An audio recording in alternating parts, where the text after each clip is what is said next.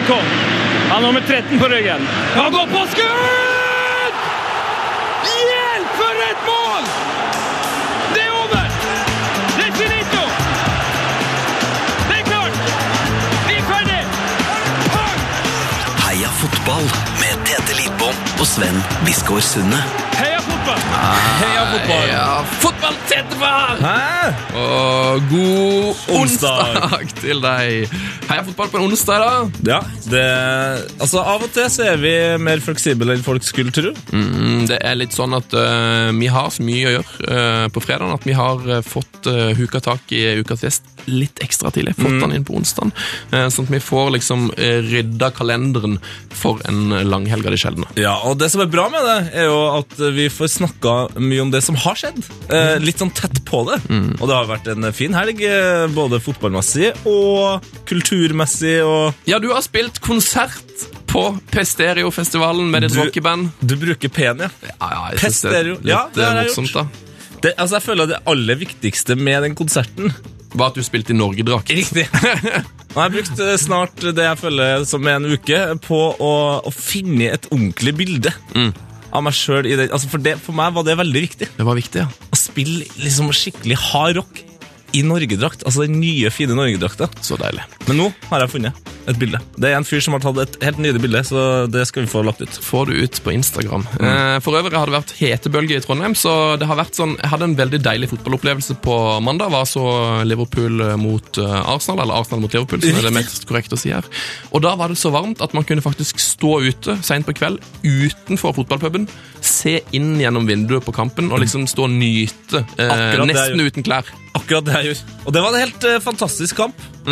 Altså full Beste 0-0-kampen eh, i år. på lenge. Altså, når Premier League-lag spiller med tempoet til championship-lag, da blir det gøy. Oh, yes! Heia fotball. Heia fotball!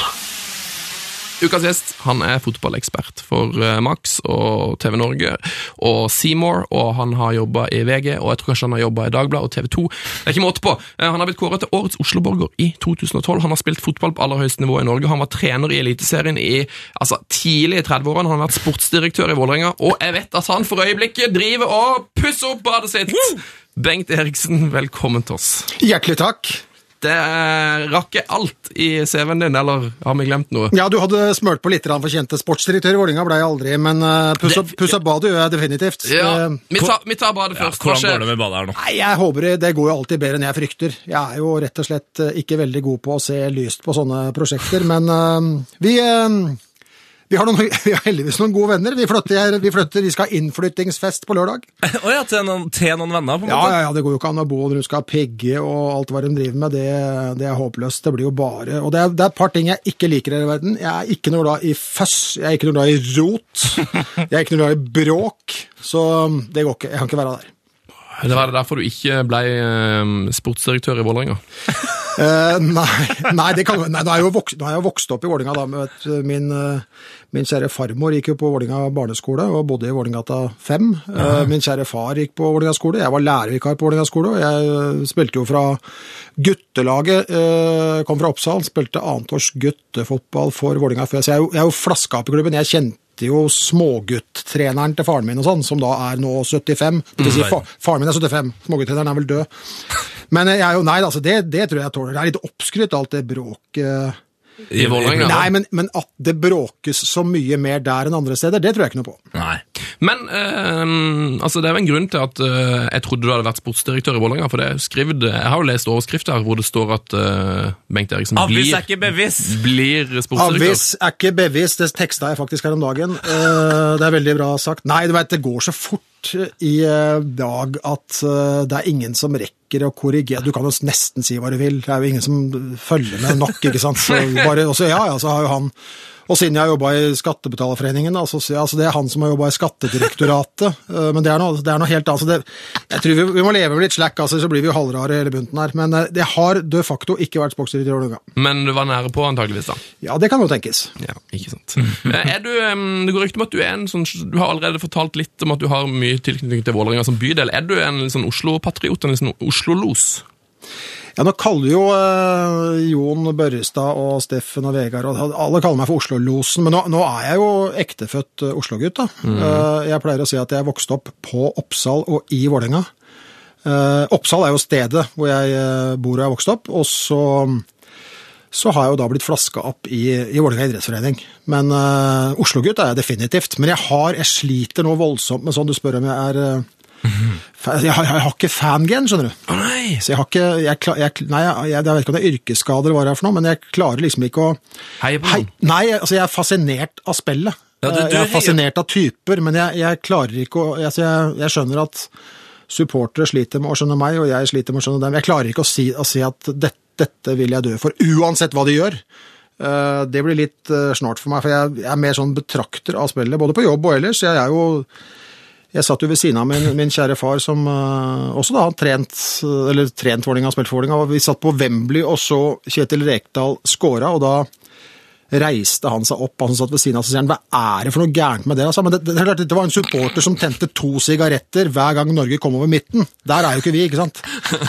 Så det var litt mismatch mellom hans tilnærming til fotball og vår. Men jeg pleier å si at bare hei og skrik og rop, du, bare jeg kan få sitte her i fred og, og nyte øyeblikket. Men du, da er du på en måte egentlig den perfekte gjesten, for du heier på fotball. Altså, Ja, ja, ja, jeg gjør det. Ja. Jeg, heier på fotball, og det, det, det, er, det er så mangt. Ja. Det er uh, fotballens idé og alt det fører med seg.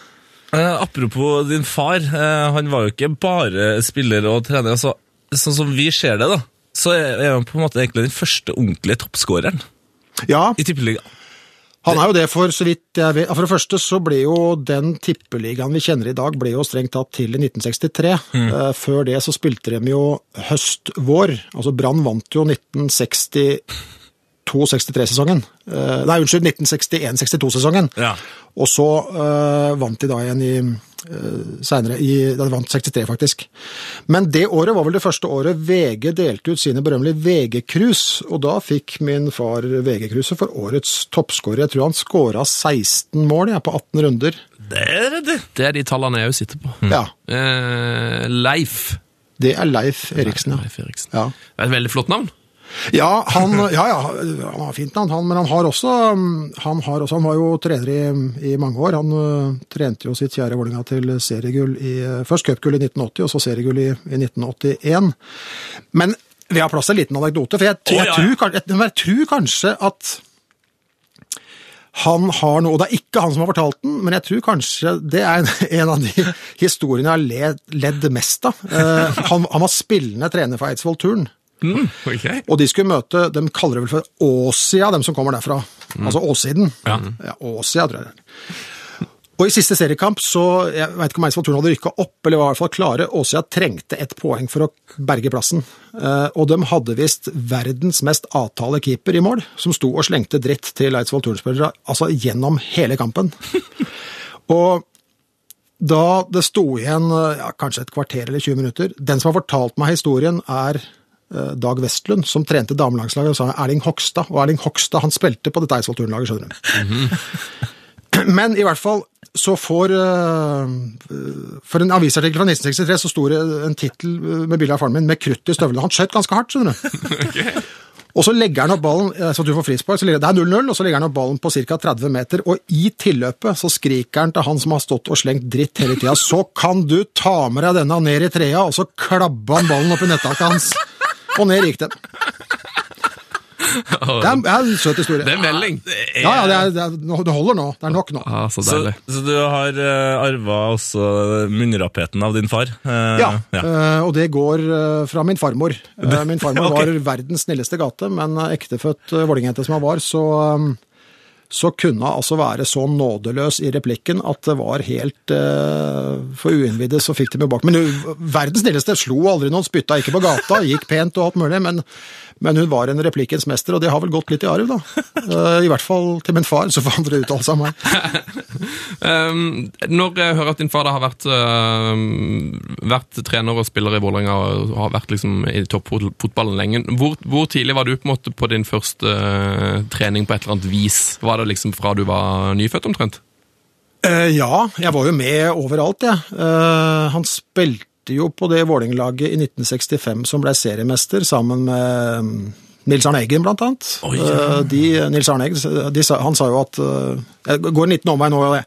Gjør det. Nils Arne Eggen sier at de ble seriemestere på tross av treneren, og ikke på grunn av treneren. For de hadde jo en trener som het Anton Plodrer, en østerriker, og han så Det var bare frykt, da. Så de turte jo ikke å tape. Ja. Og hvis de nå en sjelden gang tapte, så sto han på trappa på Valle Hovin, og der er en liten dam ned til venstre, og så er bingen treningsbanen rett ut til høyre, og da sto han bare på trappa. Gutta hadde snørt på seg eh, skruknotter, og så går det en grusvei rundt eh, vannet, og da sa han bare et sen ronden rundt den damrennen. Så måtte de løpe da på skruknotter rundt der. Dem, dem, men nå hadde de jo såpass bra lag at de, de vant likevel. Men så eh, skal vi vel til 68, tenker jeg. Jeg spurte faren min hvorfor han ikke fikk flere landskamper. A-landskamper. Han fikk fire. Nei, han sa Olav Nilsen fikk resten, sa han. Olav Viking, altså. Eh, og han var bedre enn meg, det er greit. Men så ble han spillende trener i eh, Eidsvoll-turen, da. Og da var vi mye opp dit. Og da var det jo bortimot Kjerrevei til Eidsvoll, så vi kjørte jo opp eh, fredag. Så var det vel trening, da, og så lå vi over til lørdag og hjemme hos eh, venstrevingen, Terje Jensen og familien, og så ble vi til søndag og sånn. Så jeg bodde annenhver helg på Råholt da i Fotballpendler. Ja, ja, det var ikke Og så var jeg med Hvilke andre lag var han ble i? Så var han jo i eh, Jevnaker, han var i Skjold, han var i Så jeg har vært med på alt som er av treningsleire og, og treninger fra jeg kunne gå. Og 1965 er jeg altså født, så det var det året de ble seriemester. Jeg påstår at jeg har hatt en liten innvirkning, men det, det er ikke sikkert. Så du møtte antageligvis Nils Arne Eggen eh, før du var fylt eh, seks måneder?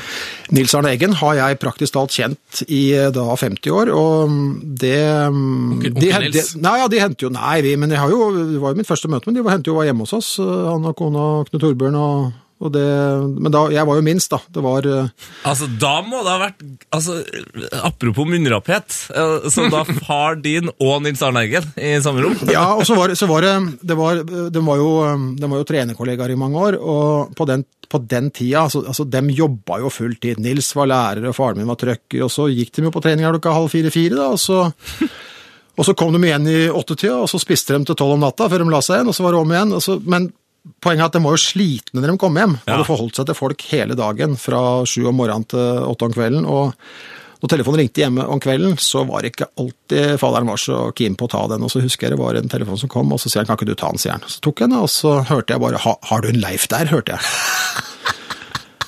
og så snur jeg meg inn, for jeg tenkte han var interessert, og så sier jeg 'det er Nils', sier jeg. Så kommer faren min i telefonen og sier han, 'hei, Nils'. Ja, hvordan visste du at det var jeg som ringte, da, sier han. Han hadde, han hadde jo ikke presentert seg. Og på første landskampen vi var da seinere, så der deltok jo Nils i eh, 17 eh, diskusjonsgrupper, for jeg så bare en sånn støvfrakk og så den røyken hans føy tilbake. Men da kom han bort og sier han, hvordan, hvordan tok du, hvordan visste du at det var meg? Jeg, det er ikke så veldig vrient å, å plukke ut den stemmen din på telefonen, altså, så... For han, han antok jo selvfølgelig at jeg var så liten at jeg Ja. ikke visste hvem Nils var, så da kunne du like gjerne spørre til Leif. Vil jeg tro. Ja. Hadde han eh, sånn eh, raspete eh, whisky-røykestemme på den tida? Ja, det er, det er vel litt sånn sonor, den stemmen, er det ikke det? Sånn, Jo. eh, ja. Hva betyr det? Det, Det er vel ikke en blanding av soprano og tenora, det er vel eh, Jeg tror det må bli noe sånt, for han eh, Det er vrient å bomme på den stemmen, altså. Ja, det var strålende. Du må gjerne bare føle, føle deg helt fri til å fortelle flere historier hvis med dem til Ja, Nå skal jeg til Trondheim i morgen, da, så jeg er nødt til å rekke et fly, men vi kan jo holde på til dere sier brems. Jeg er eh, enkel sånn. Ja, veldig bra. Du, jeg har Jeg har liksom ikke helt koll på hvor god du var når du spilte sjøl. Altså, det vi vet... Jeg er for ung til å ha fulgt spillerkarrieren din. Hvor, hvor, hvor spilte du? Jeg spilte i mitt kjære Oppsal fra jeg var myggspiller, som det het da. Mygg? My- Ja, et mygg. Mygg, lilleputt, smågutt, gutt, junior.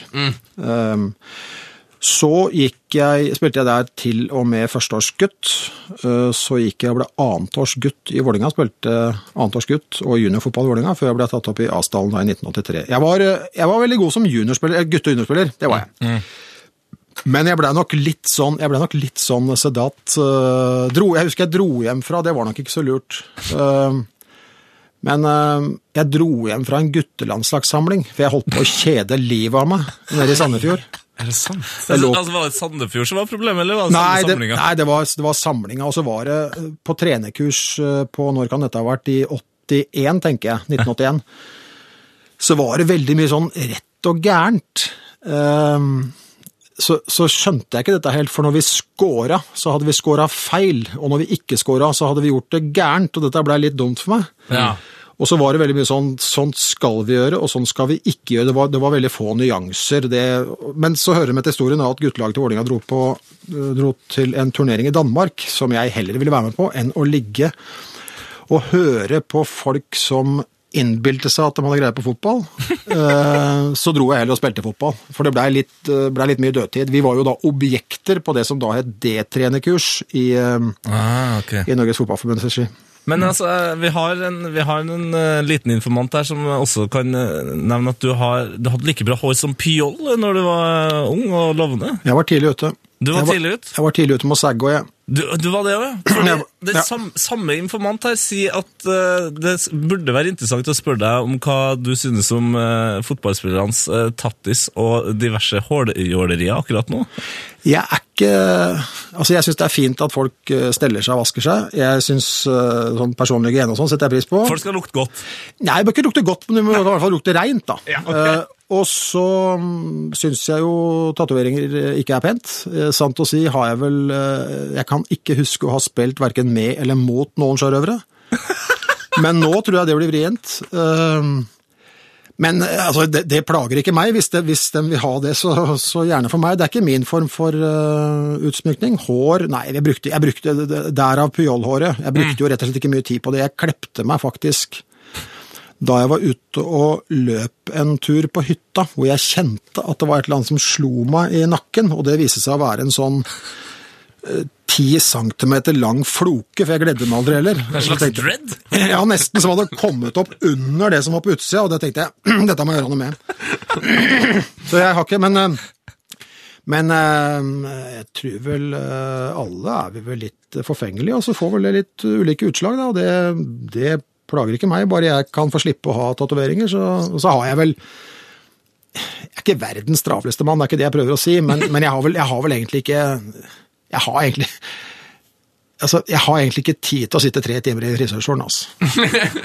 Det, det må jeg bruke til noe annet. Men uh, igjen, jeg syns det er fint at vi kan være forskjellige. Jeg syns det er fint at vi kan gjøre forskjellig, og det, det syns jeg er helt ok. Men, men så er det ikke så forskjellig likevel, for at nå er det jo veldig sånn over samme lest. Det er vel, øh, det er vel nå øh, overrepresentert folk med, med tatoveringer på, på fotballbaner og sånt. Men hos og sko, det- det som begynner å bli vanlig. ja. den får holde på, men, eh, men, det, men det er jo um, Jeg hadde en spiller i Skeid som farga håret sitt oransje. Ok. Hva, hva? Eh, Det var Lennart Steffensen, og han altså det, det er jo ikke mitt anliggende. Folk må selvfølgelig få lov til å gå ut og se ut som Så sier jeg til Steffen det er, det er, Nei, Lennart, eh, så sier jeg det er en ting Har du tenkt over en ting? Han spilte venstrekant da, så han hadde gjort det veldig bra. Var eh, ikke gått så bra for han før jeg kom, og så gikk det veldig bra for han. Så sier jeg, eh, Lennart, jeg bare, lurer på en ting. Når du kommer rundt på venstrekanten og legger inn, altså kommer med et innlegg jeg tror kanskje de innleggene må være veldig gode hver gang framover, hvis ikke du skal få For folk er jo sånn, da begynner de å Ja, så går de løs på håret. Altså, så du må, du må tenke litt over det. Eh, Det er alt jeg vil si. Altså Hvis du skiller deg ekstra ut på et eller annet vis, om det er sko eller tatoveringer eller hår, så, så du, legger du egentlig lista di høyere. er det det du prøver å si? Altså Du må legge lista høyere, da. Ja, det, det blir jo noe Ja. sånt. Jeg var jo på, jeg var på trenerkurs uh, for noen år siden, og da fikk vi noen guttespillere tildelt. og Så kommer vi inn i garderoben, da, de der trenerkontingentene jeg var sammen med, og så kikker jeg rundt meg, og så, så sier jeg til Knut Tørrum her Her tror jeg det blir eh, her kan det bli et par tunge dager, for det, altså det, det så rett og slett ut som en milliard. Eh, Det var hårbøyler og gelé og gullsko og alt mulig.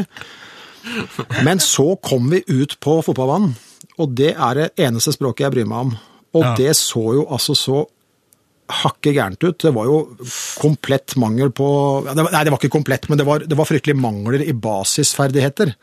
Ja. Eh, Men de kunne jo alle orda, vet du. Ja. Eh, Rom to motsatt og alt. Det satt jo som ei kule. Men eh, så sier jeg at vi blei enige da, om at vi må prøve å jekke dem litt ned. Og så gikk jeg bort til en så sier jeg til en Før vi bygde dem opp igjen, selvfølgelig. Så sier jeg kan du, for- kan du forskjellen på et medtak og bare det å stanse ballen? jeg? Altså det at den ikke bare går, forsvinner forbi deg. Ja, ja, så trodde jeg var dum, liksom. Nei, men da, det er fint. Da har vi etablert forskjellen på det. I dag skal vi trene på å få stansa han, sa jeg. Og så skal vi se om vi kommer til medtak senere i uka. For det var altså Det var ganske skritt. Ja, det var såpass ja. lavt, ja. ok. Og det, ja, men igjen, det, det er jo litt sånn uh, tåpelig av meg å blande meg bort i sånt også, men det er, det, jeg, jeg tror ikke jeg skiller meg fra de andre. Hvis du, hvis du gjør mye ut av det som strengt tatt ikke har noe å si for hvordan du presterer, så, så hefter det litt verre, selvfølgelig. Det, spør uh, i dag står jo alle I dag står jo mange tippeligatrenere i dress på kampa. Det prøvde altså Halvard Thoresen på 80-tallet. Det gikk dårlig, for da var han aleine om det. Eh, I dag er det helt greit. Ja, det er noe med det. Ja, det er rett og slett det. Ikke sant. Eh, Din eh, egen eh, trenerkarriere, du eh, Det har jeg lurt på. Du, du var jo trener altså, veldig ung. Eh, tidlig i 30-årene eh, Ja. i, i Eliteserien. Eh, så lurer jeg på det. Når man er eh, så ung, så er det vel sånn at du har spillere som er eldre enn deg på laget. Er det, er, er det vanskelig? Ja, det kan det jo være hvis du gjør det litt vanskelig for deg sjæl, men, eh, men jeg hadde ikke noe problemer med det. Uh, Rollefordelinga er for så vidt ganske klar, og det er viktig å holde den litt sånn tydelig og klar. Jeg trente jo flere av dem jeg hadde spilt sammen med også. Ja. Eh, men eh, eh, er- jeg er veldig enkel sånn. Jeg sa til han, eh, min gode venn Ståle Andersen, som jeg da skulle trene både i Drøbak Frogn, som jeg var i først, da, og så Skeid etterpå, at eh, de der kaffen og sånn som vi har tatt, det, det gjør vi ikke nå, sa jeg. For det gjør jeg ikke om alle spiller, altså da kan vi kutte ut det vi også. Nå, er, nå, er, nå spiller vi, og så er det trener som sier noen at det blir jo altfor firkanta, Bengt. Ja, det er mulig det blir firkanta, men, men da vet i hvert fall alle eh, på det laget, i den troppen, at her forholder jeg meg stort sett, i hvert fall på sånne ting, ganske likt til folk, selv om jeg eh, skjønner at du kan ikke behandle alle likt, men, men jeg vil ikke ha det hengende over. Jeg jeg hadde vært eh, toastmaster i bryllupet til Ståle. Eh, så sier jeg, men jeg skal ikke være toastmaster i ditt neste bryllup, som jeg ikke håper skjer, da. Men, men, men, men, men mens vi er sånn trener-spiller-roller, det, det syns jeg blir litt sånn rotete. Men det er mulig at det er eh, meg som har gjort det litt firkanta. Men sånn gjorde jeg det. Og eldre spillere, det har jo litt med sånn mange er så opptatt av autoritær. Jeg tror, jeg tror kanskje ikke jeg er så autoritær, men det jeg er avhengig av, er autoritet. Altså, å, få tittelen trener, den kommer jo ovenfra. Den kommer fra et styre. Ja. Men det en trener trenger, er autoritet, hvilket er noe annet enn å være autoritær. Det er i hvert fall ikke nødvendigvis eh, å være autoritær. Den kommer jo nedenfra, dem du trener. Right. Hvis argumentasjonene dine sitter, hvis du får solgt inn i anførselstegn ideene dine, for du skal jo ikke selge dem inn i den forstand at du skal prøve å prakke på folk uh, Dritt. et eller annet, nei, ikke sant, et eller annet de ikke skal ha. Men du må virke troverdig, du må virke rettferdig, du må både i tale og i framferd, og du må walk the talk, som det heter så fint på norsk. De må tro på at du er trener, disse. Ja, det er noe med det. Uh, vi, er ikke, vi er ikke en gjeng kompiser, og det er ikke noen skillevegger her. Altså, jo, det er det. Det er faktisk det. For jeg, jeg, har, jeg har en rolle som trener, og du har en annen rolle som spiller, og så har vi en del ting felles, men ansvaret vårt er litt ulikt, og, og øh, ja, rolleutøvelsen er forskjellig. Det må vi rett og slett ha for oss. Mm. Du, du har jo også vært trener som vi snakka om her nå. Og eh, så snakka du vel også om at du på en måte ble født når din far eh, vant eh, seriemesterskap. Ja. Eh, du fikk vel barn samtidig som du pælma Kongsvinger ned fra eh, Eliteserien for første gang på 17 år. Det er helt riktig. Jeg var, jeg var og så Det var fryktelig, da. Jeg var og så på junior-NM-finalen mellom Skeid og Stabæk på Voldsløkka på lørdag kveld, og så trilla jeg hjem og skulle ha meg en matbit, og skulle jo da ha spillemøte på Nordre Åsen klokka tror jeg klokka ni dagen etter. Mm.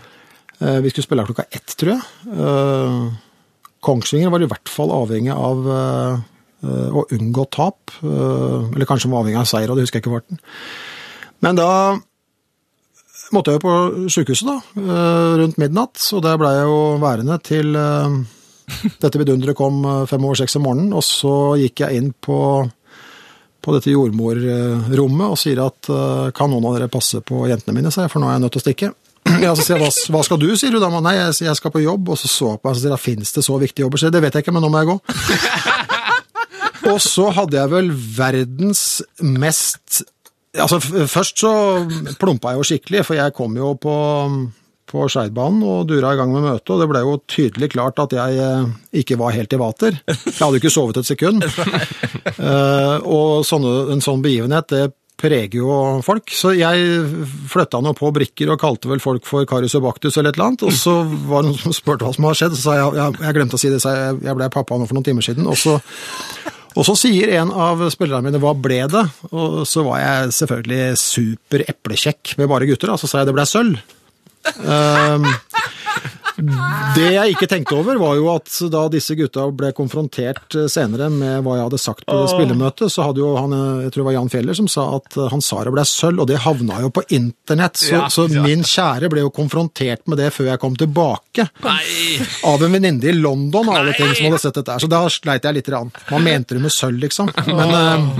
men det er jo en, det er jo en eh, diamant. Men i hvert fall, vi kommer opp til Kongsvinger, og, og så skulle jeg inn og snakke med noen sponsorer. Jeg husker ikke helt åssen ordla, men, jeg- men jeg tror jeg var innom at eh, jeg beklaga på vegne av Skeid at jeg hadde forberedt meg litt dårlig, for det begynte med én naken dame, og så ble det en naken dame til.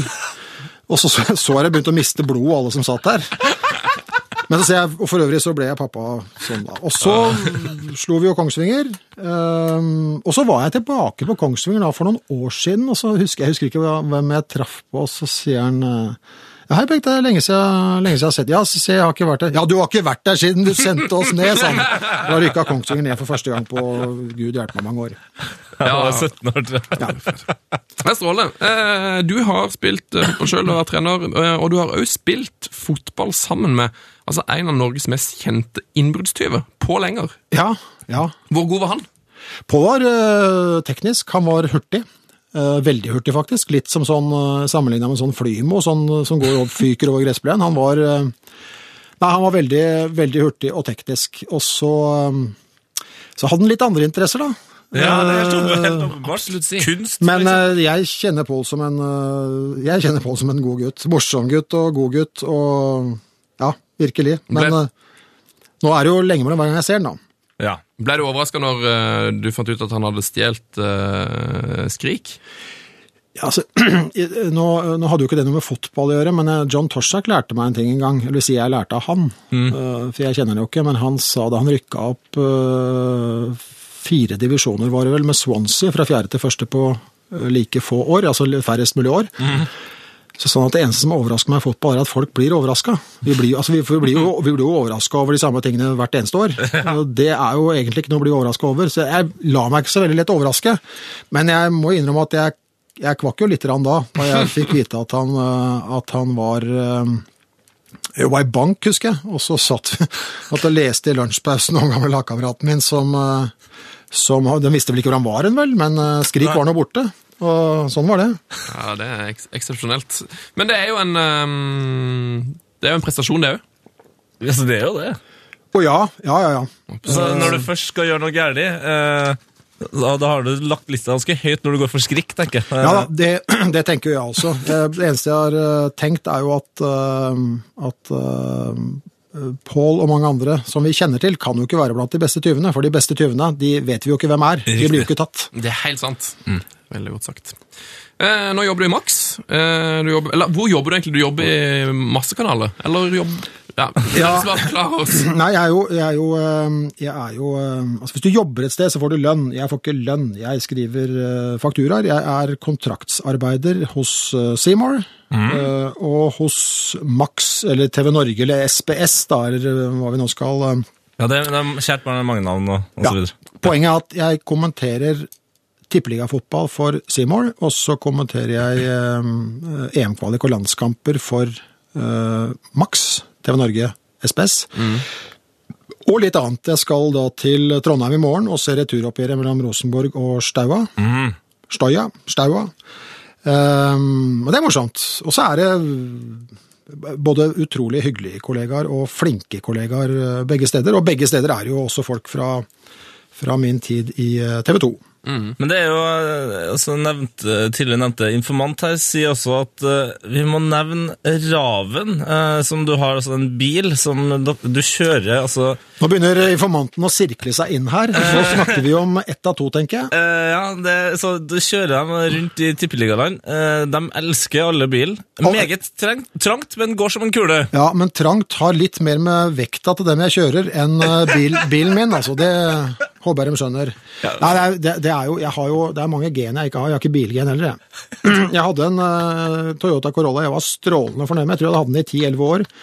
Men så, så Ja, jeg fikk ikke barn. Ikke engang det klarte jeg aleine. Så vi fikk barn. Eh, Og, og da fant jeg ut at den barnevogna får jeg jo ikke inn i bagasjerommet uten å ta av hjula. Dette kan jeg ikke holde på med. Så da, da kjøpte jeg Raven Ja. Og smelte barnevogna rett inn uten å ta av noe som helst. Du kan bare stå stående inn der, ja.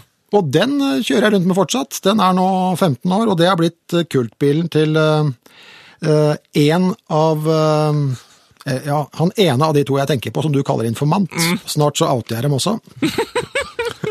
Men nei, det er, det er sjarmbilen sin. Det er litt rift om å få sitte på Moraven. Altså. Ja, men det, altså, er, du som sjøl har tatt ansvaret for å kjøre rundt på, på tippeligagjengen her nå? Altså Seymour-gjengen, eller? Altså? Nei, sånn- men Poenget er jo at uh, hvis vi skal til uh, Mjøndalen, som vi skal på søndag, så, så kommer Jon Børrestad fra Bergen, så kommer Steffen Iversen fra Trondheim. De har jo ikke med seg bilen. Eh, da blir det litt klønete at de skal ta ut leiebil eller kjøre taxi, i stedet for at jeg øh, som Oslo-los kan svinge innom hotellet og hente dem. Og så trøkker vi inn øh, Vegard Vågbø og Aleksander Markowski i tillegg. Da, da blir det trangt om saligheta. Men vi har det morsomt. Det er mye Jon Børrestad, som er en av to informantkandidater. Ja. Han, øh, han gikk gjennom raven min, rett og slett. Han dro ut dashbordet og fant lånekort på biblioteket fra 1979. Altså, det, var litt, det ble litt moro, men det, var, ligger mye rart i, i bilen. Jeg har, det, Um, um, altså, nå vet jeg ikke om du er på sosiale medier, og sånn, altså, men det må jo finnes et, finnes et ordentlig bilde av eh, alle dere inni den eh, raven. Altså det, hvis det ikke Det- finnes, så må det eh, rigges til. Det, er, det mangler ikke på, på mm, folk som har tatt bilder. Eh, I raven. Så, så du får eh, høre med Jeg tipper eh, Vegard Vågbø eller, eller Jon. Jon sitter alltid foran. Vet du. Ja, ja, ja. Ja, Jon er en typisk sånn Jon er en typisk Shotgun. shotgun-fyr, ja. Ja, ja. Og han klemmer seg inn med nylakka hår, og så skarriglak kan han sitte bak der, vet du. Hva er det, mm, hva er det det går av innen mat i Raven? Hva, hva slags bilsnacks er det der går for? Og i Raven spiser vi ikke. Sånn er det bare. Nei, er det sant? Steffen klemte inn en pølse der, men det var vel unntaket. Hører dere på musikk, da? Det er det vi får inn på radioen, da. Ja, det går inn for Eh, Men antenna har bøyd seg litt, så vi, eh, det er, vi skal ikke langt uh, utafor utafor Oslo-grensa før det begynner å skurre litt. Altså, men, Ring, ring tre, liksom, og så er det ja, men, men på den annen side, så hvis du, hvis du nå tenker deg om, så var det ikke ditt beste spørsmål. Altså, kan du forestille deg å høre noe på den radioen med det laget har i bilen? Det er fokus på den eh, høye samtalen. Ja, altså Det er jo gaping og latter og tant og fjas fra vi setter oss inn til vi går av. Ja, fy fader. Det er strålende. Du, jeg var på Ranheim denne uka her, eh, og der opplevde jeg en litt eh, snodig ting. Jeg har alltid tenkt at den der ra-ra-ra-ra-ra-ra Ranheim-sangen er liksom ra det er det som er selve Ranheim-sangen. Men eh, og jeg oppdaga noe litt spesielt, og det er at de har en litt spesiell sånn Deres You Never Walk Alone. Vet du hvilken sang det er? Nei. Vet, vet du det, Bengt? Nei. Det er den her. Er ikke det snodig? Den her spilles på Ranheim før hver eneste kamp, altså. Eh, og det er vel det at det er Blue som er klubbfargene, som Ja, er litt sånn som eh. Blue Moon eh, på City, for den, er litt sånn, den starter jo rolig, og så blir det full fest. Ja, Her er det iallfall Her er det full fest. Fader, altså. Den, får du ikke, den her får du ikke høre i raven. Nei, jo, hvis han går på radioen, så går det fint. Han, men, men det vet jeg ikke noe om. Eh, Jeg er jo ikke eh, en av mine beste kompiser som ja, blir jo litt lei meg. Han døde altfor tidlig, men var jo en um, gnistrende diskjockey i byen her og andre steder.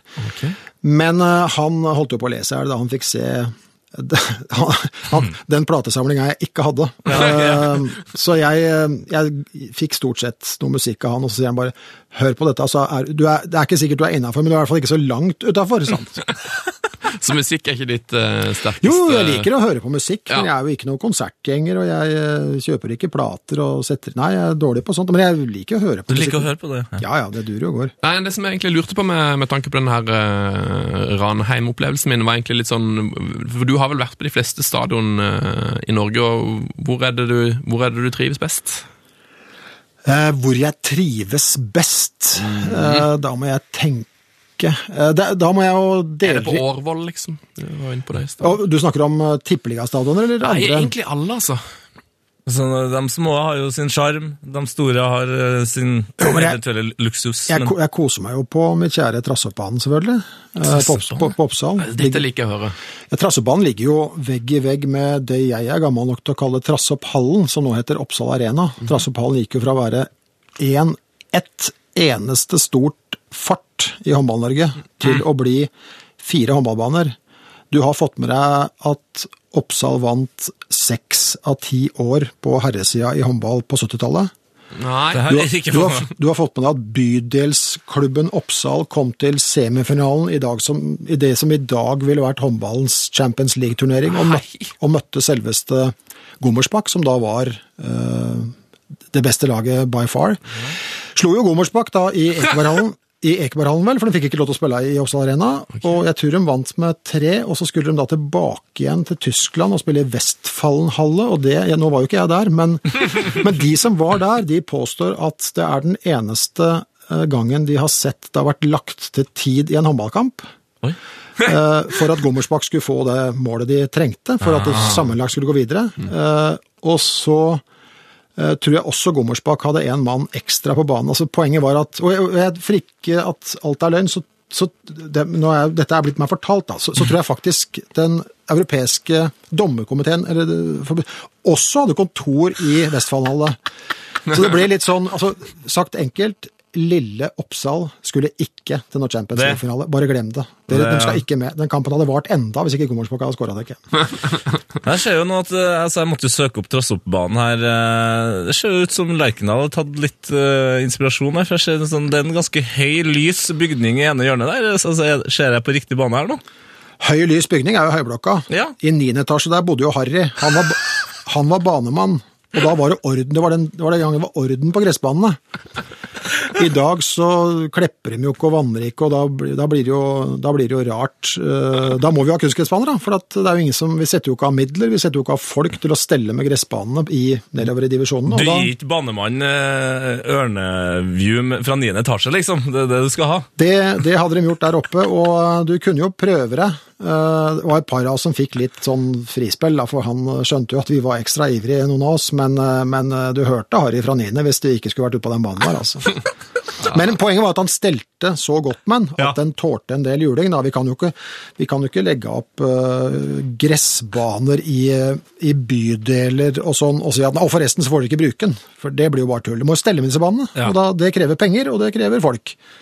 det er helt sant. Men du spurte meg om arenaer også. For, jo, det er mange. Jeg koser meg stort sett alle steder, men jeg, jeg må dele det litt i to. For én ting er jo selve Tallerkendal i morgen, f.eks. Jeg syns jo det er en flott arena. Jeg syns Viking stadion er en flott arena. Eh, men, men poenget er at når jeg står i vindtunnelen i Viking stadion, jeg står helt nede ved cornerflagget, og det sipregner og blåser alle veier, så er liksom litt grense for hvor koselig det er. Og så skal jeg se på en monitor som har sola på seg, og når jeg snur meg, så er det altså eh, fra det cornerflagget jeg står, så er det jo 140 meter til det cornerflagget som er diagonalt, så du mister litt sånn dybdesyn. Og det er, det er ikke noe sånn ideell uh, arbeidsplass, men, men det er som det er. Og så griner vi ikke over det, men, men, men det, det preger jo litt inntrykket mitt av ulike stadioner, da.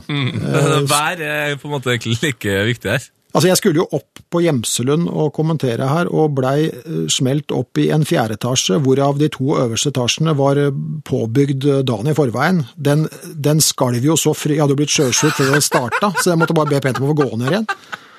Måtte du avbryte? Nei, men jeg gikk jo ned før vi starta sendinga og satte meg et annet sted. Da havna jeg rett borte ved de provisoriske latrinene og parkeringsplassen, og sola midt i trynet. Så det er litt sånn, det er noen sånne utfordringer når du sitter ute på, på arenaer, altså, men det, vi ler jo litt av det, og så begynner vi å få ganske god trening i det, da. Så, Ja, det er bra. Ja, det er helt nydelig. Det er konge. Nå skal vi videre til ukas drømmelag.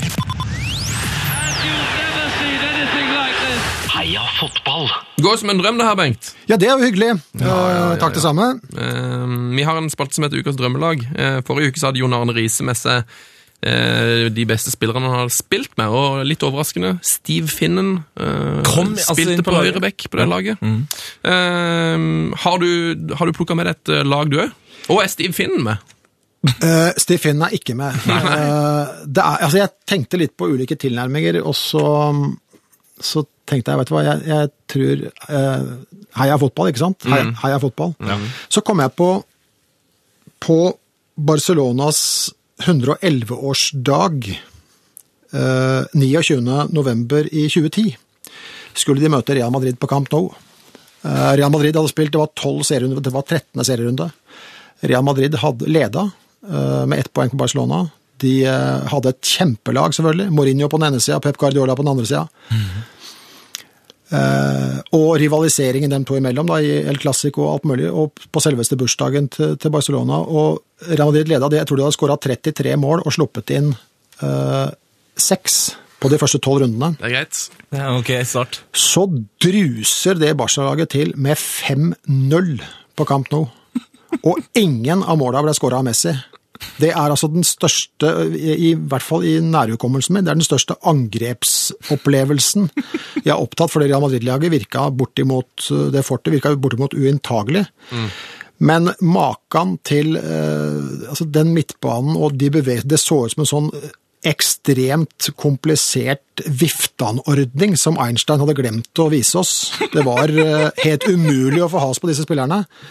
Eh, Så da tenkte jeg Spille for spille Nei, drit i det. Jeg, jeg, tror, jeg, tror, jeg tror faktisk jeg tar det laget som spilte den kampen. Det er Det eneste, det eneste jeg faktisk hadde vært villig til, det var å eh, Og ikke fordi det er noe mot Pedro, men nå spiller han jo ikke det mer, men det måtte vært å bytte Pedro Ja. med uh, Johan Cruyff, så han fikk være oi, med oi. på det en gang til. Eh, han som da skapte Dream Team 1, og som sto der da denne gangen, som satt og så på eleven Pep Guardiola, som var med på Dream Team 1, som leda Dream Team 2. Eh, det måtte ha vært det store. Men det var det derre Primærideen i fotball er jo å skåre mål. Sekundært hindre mål. Noen tenker jo motsatt. Men eh, det syns jeg faktisk var eh, Og forventningene til kampen, trøkket rundt hva som sto på spill og alt mulig, og så kommer altså eh, et angrepsfyrverkeri av første skuffe. Det syns jeg var helt fantastisk å se på. Ja, jeg husker faktisk den kampen. Jeg så den på, på en pub, og folk fikk sånn Folk sa bare gneis øynene. Og, der er det, og det, den backkjeden de stilte med der, det, det, Ståle Solbakken fortalte meg det, for dere har sikkert hørt om at Ståle Solbakken og Bård Wiggen fikk noen timer med Pep Guardiola på et hotell i Tyskland, hvor de satt Ja. og diskuterte fotball. Og, i, og i, i norsk fotball så er vi er så glad i oppskrifter, vet du. Matlaging skal være oppskrifter. Trines matblogg. Ja, men folk slutter, må må jo smake på maten, da. Og Ikke bare lese. men også- Sånn er det her også, du må føle deg litt fram. Og så sitter de og diskuterer, da, Ståle, og det er Ståle som har fortalt historien. Så, så forteller Ståle om alle disse reglene vi har, da, med midtstopperen på ballsida skal sette offside-linja, og så holdt han jo på. Uh, og så sier plutselig Pep Guardiola ja, dette, dette kan du bedre enn meg, sa han. Ja, så sier Ståle hva er det dere gjør for noe, sa han. Eh, Soneforsvar og forsvarsplass, så hvordan henger det Nei, sier Pep. Daniel Dani Alves ser på Puyol, og Puyol ser på Piquet, og Piquet ser på Abidal, så løser det seg, vet du. Sånn. Så det er, en helt annen, det er en helt annen tilnærming til hvordan vi øver fotballspillere i eh, å bli litt uh, mer tenkere. Altså det er jo samhandling bortimot i ren form, dette her. Det er, uh, det er uuttalte avtaler som over tid bare lagrer seg, og så kjenner du godt til uh, sidemannen din. Og så blir det ekstremt bra uten sånne oppskrifter på alt mellom himmel og jord. Fader. Altså, når du ser på det laget her, altså det Men Skal jeg dra laget? Ja, du må jo dra Victor laget. Valde, Victor Valdes i mål, da. Det er jo det er ganske artig å tenke på at eh, han var i mål der. eh, koser seg stort sett på tribunen nå. Ja, ja. Og ja, ja. han har ikke- blitt en dårlig keeper av den grunn, egentlig. Nei, det vil jeg ikke tro. Og så var det jo backkjeden fra høyre, da. Vi leser jo alltid opp lag fra høyre, må vite. Okay. uh, Alves, Puyol, Piquet, Abidal. Og så hadde du en treer på midten da, med Xavi, Busquets, Iniesta. Det er greit. Og så hadde du Pedro, Messi og David Villa uh, på topp. Eh, og Messi skåra altså ikke noen av de fem. Via skåra to, eller? Via, har, skåra to. Pedro skåra. Jefren kom inn for Pedro og skåra.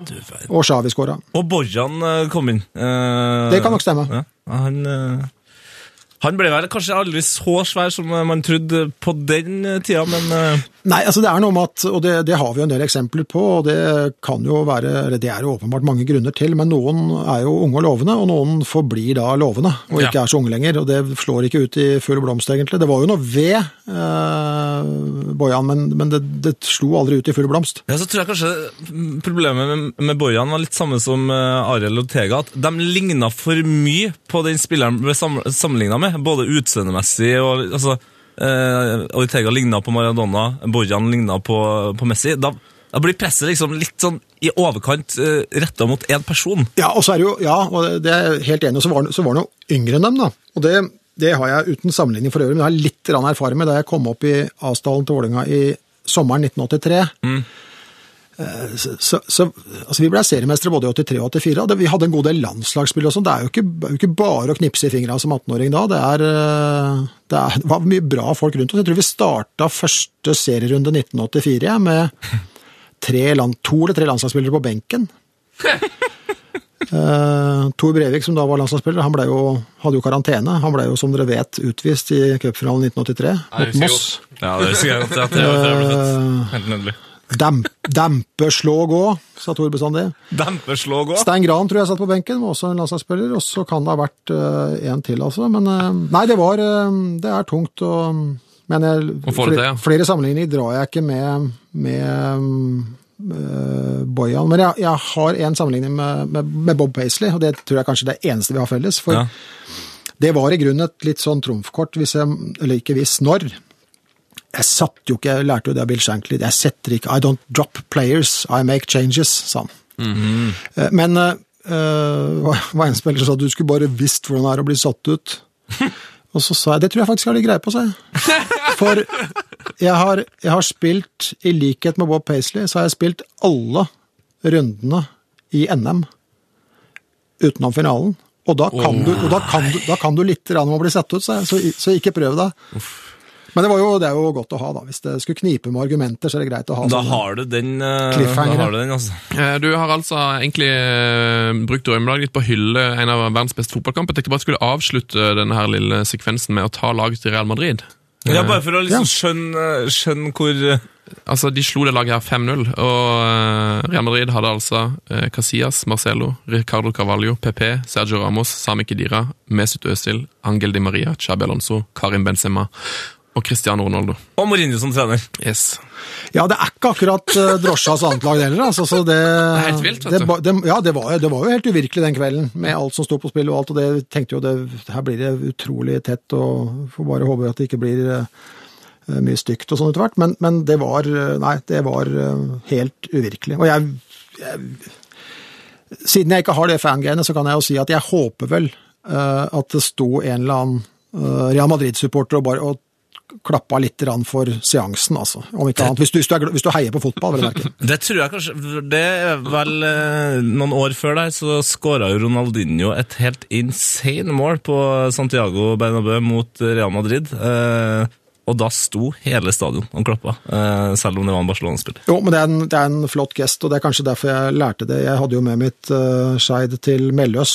Uh, skulle møte min gode venn Knut Torbjørn Eggen og min tidligere elev Dagfinn Enerly, som hadde gått til Moss. Og så får jo Moss corner, da. og smekker jo den ca. 45 grader ut på en 20 par og 20 meter, og der står jo Dagfinn og kliner til på volley rett i krysset. Dagfinn-varianten. Og så spretter, så spretter han uh, assistenttreneren min opp, og så snakka om markering. Så sier jeg, vet du hva, ti stille, nå reiser vi oss opp, og så bare, Ja. klapp, så bare klapper vi. Åh. Vi bare klapper. Det er ikke noe, vi gjør ikke noe mer ut av dette her. Det er bare flott å se på det, og så kom det dessverre mot oss, men det var fint å få oppleve det. Herregud, eh, så fint sagt. Det der er Jo, men, men det er jo ikke, og det er ikke eh, jeg, jeg lider jo litt med Jeg trente jo faktisk Skeid i 99 i Tippeligaen. Vi er jo fortsatt det siste amatørlaget i Tippeligaen. Alle spillere enten studerte dem, eller så jobba dem. Jeg jobba fulltid ved siden av. Vi dro opp og trente klokka halv fem. Eh, Så vi hadde jo Vi lå litt etter sånn eh, på mulighetsområdet, da. Ja. Men eh, så tenkte jeg hvis vi kommer til å få litt juling, for vi var jo ingen som trodde vi skulle gå opp i 1988 og Men vi kan, vi kan jo ikke lage sørgemarsj av alt hvis vi skulle tape. No, vi må være litt rause. Og det har ikke noe med at du er at du firer på krava. Jeg er ganske, jeg er, jeg er ganske streng på et par områder. og Akkurat sånn slendrian og surr og rot og sånn som jeg snakka om i stad, det, det, det, det kødder vi ikke med. Men, men du kan ikke Når det ryker, så, så Du finner jo feil hvis du bare leiter litt. Rann. Men skal Ja, du liksom kose med de feilene, så tenker jeg at det kommer jo til å prege deg litt rann, øh, fram mot neste oppgjør også. Og når du da er så til de grader underdog, så får du velge dine slag, da, om ikke annet, sånn at ikke alt blir bare øh, sånn grauttygging, for da blir det tungt å være idrettsutøver. Men vi skal ikke skal ikke le av ting som ikke er lebart, og vi skal ikke øh, si at nei, vi, nå er vi så positive dere, så bare glem at vi tapte 5-0 i helga. Det er ikke- Nei, det, det går ikke an. Det er helt feil pedagogikk og feillæring. Det høres, ut som du har en slags tale til Vegard Hansen og Mjøndalen her nå, egentlig. Ja, har, øh, har de holdt på sånn, da? Nei, altså de har jo prøvd seg, og så er de jo, om ikke et eh, amatørlag, så er det jo en del semiprofesjonell eh, tankegang bak eh, hele Mjøndalen-laget, og de har jo hatt det noenlunde tøft i det siste. Ja da, det, det har de. Nå prøvde de seg på, på Lerkendal, og det, det var jo øh, det var vel kanskje litt overflødig av Vegard Hansen å si at de prøvde seg på antifotball, for det var vel klokkeklart for enhver som ikke har øh, som ikke har prim over hele TV-skjermen. Men øh, Prim over hele TV-skjermen. Du, nå skal vi snakke litt eh, breddefotball. Er du glad i det, Bengt? å ja. Å, så bra! Steinkjer, Steinkjer, Steinkjer. Det er ingen som vi, som fotballag som vi. Gå på, skal vi slå. Ingen kan slå. SJFK! Nettsjef Lars er på plass med litt grann breddefotball. Velkommen, Lars. Hei, hei, takk. Takk for det. Så kan du si uh, hallo til vår eh, gjest uh, Bengt. Hei, Bengt. Hei, Lars. Hei, hei. Lars er vår, eh, altså rett og slett vår, vår nettsjef og vår ekspert på breddefotball. Og hva har skjedd i breddefotballen siden sist? Nei, jeg har jo lest på internett at du, Bengt, er jo fra Oppsal, født og oppvokst. Ja. Eh, og Oppsal er jo, leder jo faktisk sin avdeling i tredje divisjon. Helt riktig. Røyk nå for østsida. 1-3 var det vel? Ja, det, det, stemmer på en såkalt prikk. Uh, ja, følger du med dem? Er det Nei, det, det, er jo, det er jo et savn, fordi Oppsal spiller jo stort sett i helgene, og det er altfor få tippeligakamper og landskamper som går på Trassoppbanen, så da er jeg stort sett et annet sted. typisk? Uh, Så jeg var jo da på jobb i helga også, og jeg fikk ikke sett dem. Men jeg, eh, jeg treneren er jo en kompis, nevøen min står i mål, og jeg kan jo Ja. Du får Få følge med litt. jo da, men jeg, jeg, får ikke, jeg får ikke sett dem så ofte som jeg kunne tenkt meg. Det var to ukedagskamper. Jeg så dem i både første og annen kvalik til NM. De røyk vel for eh, Kvikk Halden, eh, som kara seg litt opp i rundene, faktisk, Kvikk Halden. Eh, begge kampene så røyk Oppsal på eller så Første gang vant de på straffekonk, og så tapte de på straffekonk for, for Kvikk Halden. Men jeg rakk jo aldri da å, å spille A-lagsfotball for, eh, for Oppsalen. Dessverre. Men det er deilig å høre at du følger med, og nå følger jeg jo faktisk med uh, Oppsal litt. For de, når vi går inn på nettsidene deres, så står det jo Vår visjon, kolon. Klubben for alle med fotball i sitt hjerte. Ja. Vårt mål, kolon. Norges beste breddeklubb. Det er godt, altså. Så nå er det min favorittklubb òg. Så enkelt var det. Ikke vær så kult, det. Nei. Eh, Men, ja, men det, er- det er jo øh, fine mål. Det som må til, da, det er jo å For andre som måtte kopiere eller øh, stjele ideer eller hva, rapp i vei, vær så god. Men det er jo å fylle disse fyndordene med noe litt konkret uh, innhold. Jeg er rundt i en del breddeklubber, både håndball og, og fotballklubber, og da da, øh, da pleier jeg alltid å åpne med hva, hva, hvorfor, hvorfor er dere her? Hvorfor, hvor, ja, men hvorfor, hvorfor befolkes dette klubbhuset her? Hva er dere skal, hva er dere ikke skal? Hvem er dere er til for? Skal dere, skal dere utdanne nye Messier, for ikke å si Messiaser i fotballen? Skal dere, hva skal dere for noe? Skal dere gi et trivelig tilbud til alle? Så klarer dere, og det har jeg jo aldri skjønt, rett og slett fordi jeg synes det er helt snålt. Jeg skjønner ikke at eh, breddeklubber kan ha et fint, berikende oppvekstmiljø og utfordringer for de som vil trene. For vi vet jo at de fleste som begynner i yngre klasse, begynner jo fordi at venninna eller kompisen begynner. Ja. Eh, At de kan ha et godt, flott tilbud til dem, og parallelt ha et eh, alternativ til dem som ønsker å gi litt gass, trene litt mer osv. Disse kan i min bok eh, leve fint sammen i samme klubb. Da må vi bare kvittere ut et par eh, ting som gjør at eh, det er litt eh, ulike ønsker, litt ulike lyster, og så forsøker vi å gi dem et eh, tilbud som matcher det. Det, er litt tilbake til det du snakka om helt i begynnelsen, at du liker At du er litt sånn fan av fotballens idé. Er det litt at klubben kan være liksom, Trenger ikke nødvendigvis å være eh, som målsetning å gjøre folk gode i fotball, men mer å være et tilbud på, til å ha det greit? Ja, nå er jeg jo utdanna økonom, da, eh, og, og tenker jo litt sånn også Altså, fins det noe mer eh, samfunnsøkonomisk eh, fint enn å eh, få folk inn i lagspill, av andre ting? Jeg har ingenting imot individuelle idretter, men jeg holder lagspill litt høyere fordi at det er et speilbilde av det vi ellers opplever i samfunnet. Vi må forholde oss til folk. Vi får ikke alltid vilja vår, enten det er på jobb eller skole eller i kompisgjeng eller venninnegjeng eller hva det er for noe. Dette er veldig viktig lærdom, og la oss nå sørge for da, at det blir et mål og en mening og en form for mestring, 3M der altså, eh, i, i, for det er en huskelapp, eh, som, som, som gjør at disse faktisk har lyst til å delta sammen med uh, folk i nærområdet. Eh, Det må være et veldig stort uh, mål for, for breddeklubber, syns jeg. Og hvis noen da har lyst, eh, har vi plass til en anekdote? Å ja. Kjør på.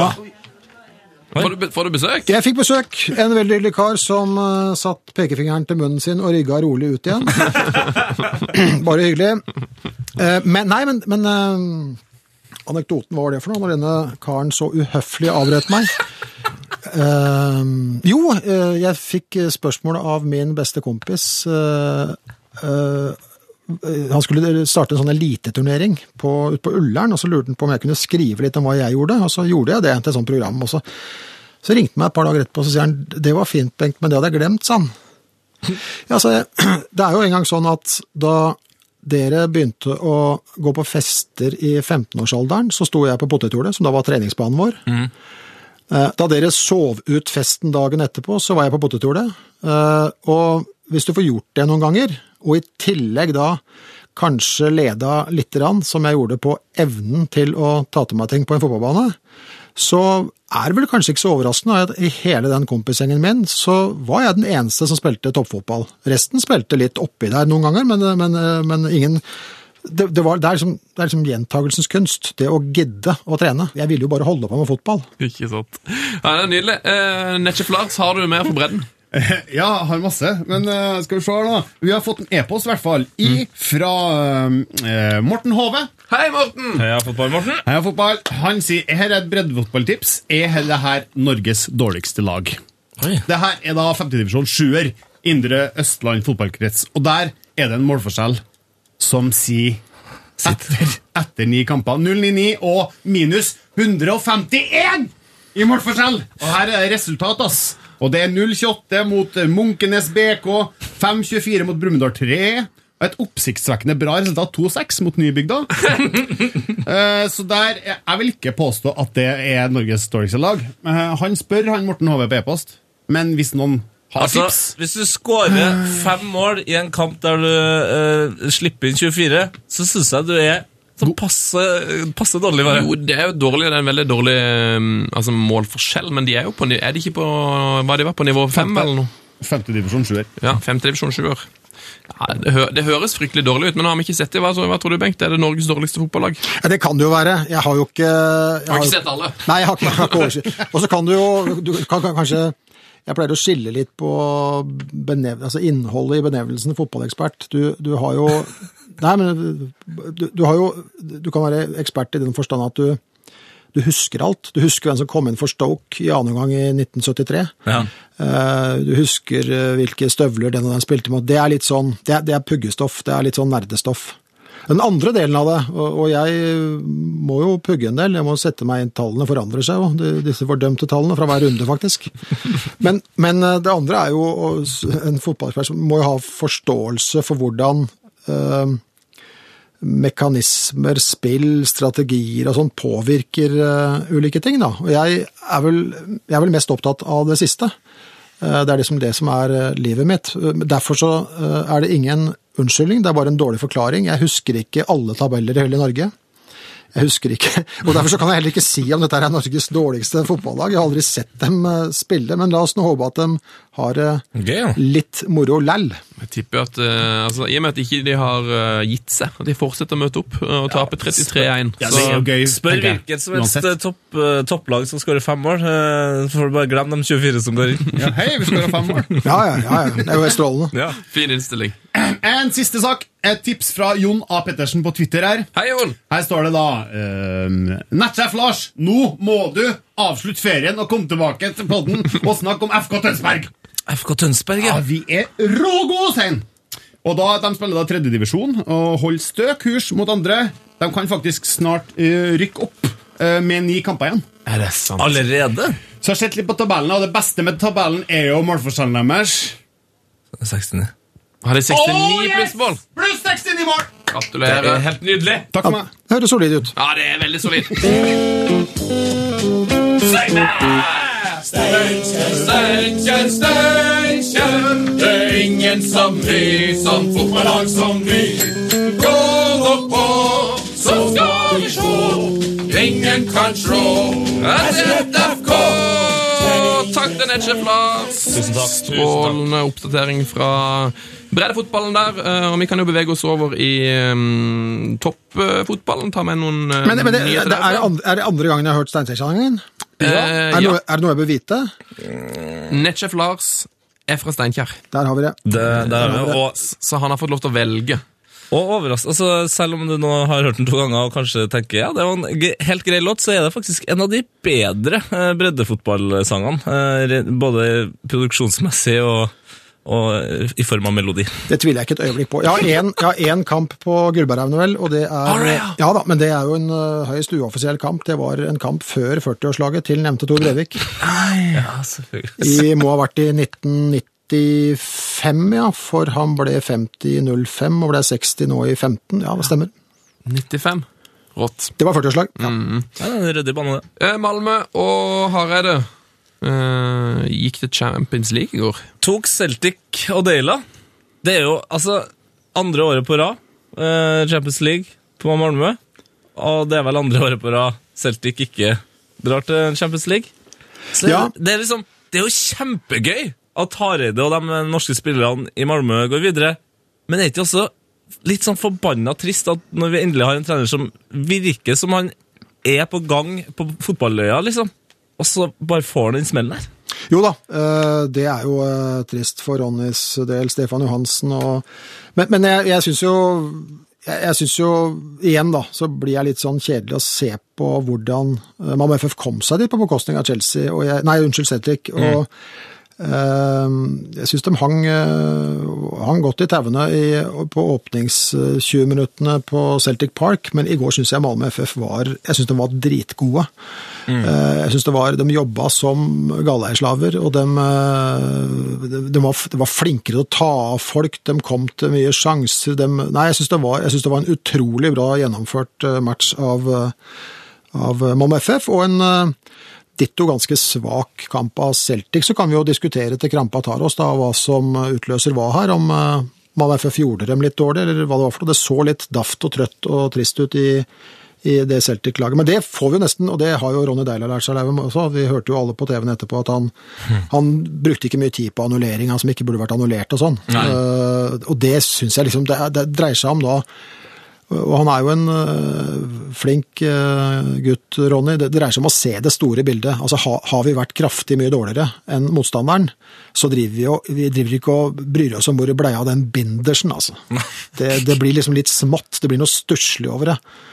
Eh, og det opplever jeg mange ganger at folk gjør, men det gjorde ikke Ronny. Ja, Men det er selvfølgelig fantastisk morsomt for eh, Malmö og for uh, Åge Hareide. Jeg syns det var uh, det var rett og slett heia fotball i går også. Åh, det er deilig, vet. Vi kan jo, Om det er heia fotball, det vil jo vise seg, men jeg syns det er et eller annet veldig fascinerende med at Martin Andresen er den i Sandefjord nå og, og trener. Han er blitt fotballspiller igjen. Eh, Kom, kom altså fra jobben som konsernsjef i Skeidar, og skal nå begynne å spille tippeligafotball for eh, Sandefjord.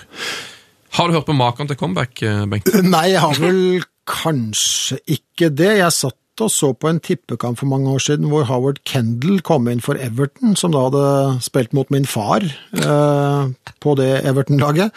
Men, eh, men jeg, og Da tror jeg han var godt opp i åra, men eh, det er jo, eh, høres ut som en vrien kombinasjon, og så er det jo en litt vanskelig øvelse. Du mangler jo litt, litt kampgir.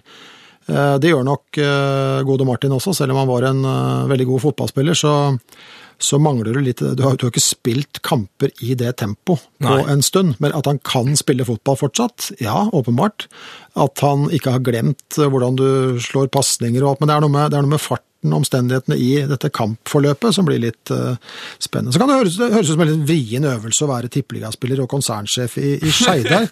uh, nå, nå er det vel også da dessverre sånn for Sandefjords del at uh, den kombinasjonen varer vel ikke så lenge, ser det ut som. For det skal vel godt gjøres om Sandefjord klarer å berge plassen i Tippeligaen. Det skal nok og Det er kanskje, apropos eh, å ha jobb og spille eh, fotball samtidig, så er det liksom det er nesten det motsatte av det å spille i Tippeligaen og, og være lærer. Eh, Det er liksom han spiller i Tippeligaen og er konsernsjef. Altså, det, blir som en hobby, eh, det her. Det blir bare hobby.